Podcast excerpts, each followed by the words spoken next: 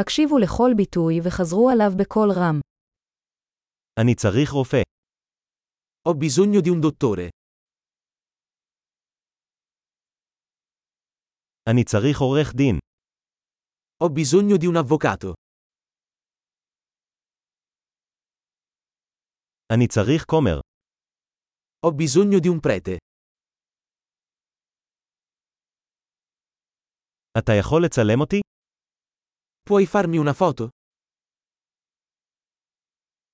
האם תוכל ליצור עותק של המסמך הזה? Puoi fare una copia di questo documento?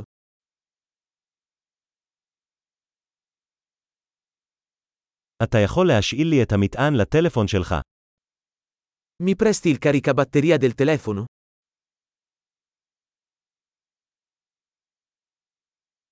אתה יכול לתקן לי את זה?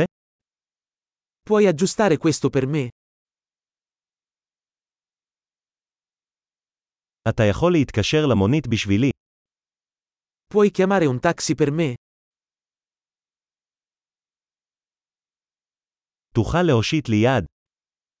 Puoi darmi una mano? אתה יכול להדליק את האורות? Puoi accendere la luce? אתה יכול לכבות את האורות? Puoi spegnere le luci? אתה יכול להעיר אותי ב-10 בבוקר. Puoi svegliarmi alle 10? האם אתה יכול לתת לי עצה? Puoi darmi qualche consiglio? יש לך עיפרון. Hai una matita? אפשר לשאול את. Posso prendere in prestito una penna?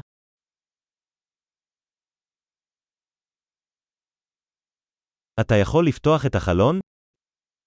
Puoi aprire la finestra? אתה יכול לסגור את החלון? Puoi chiudere la finestra? מה שם רשת הווי-פיי? Qual è il nome della rete Wi-Fi?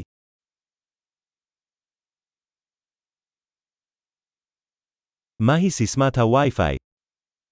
Qual è la password Wi-Fi? גדול, זכור להאזין לפרק זה מספר פעמים כדי לשפר את השמירה. נסיעות שמחות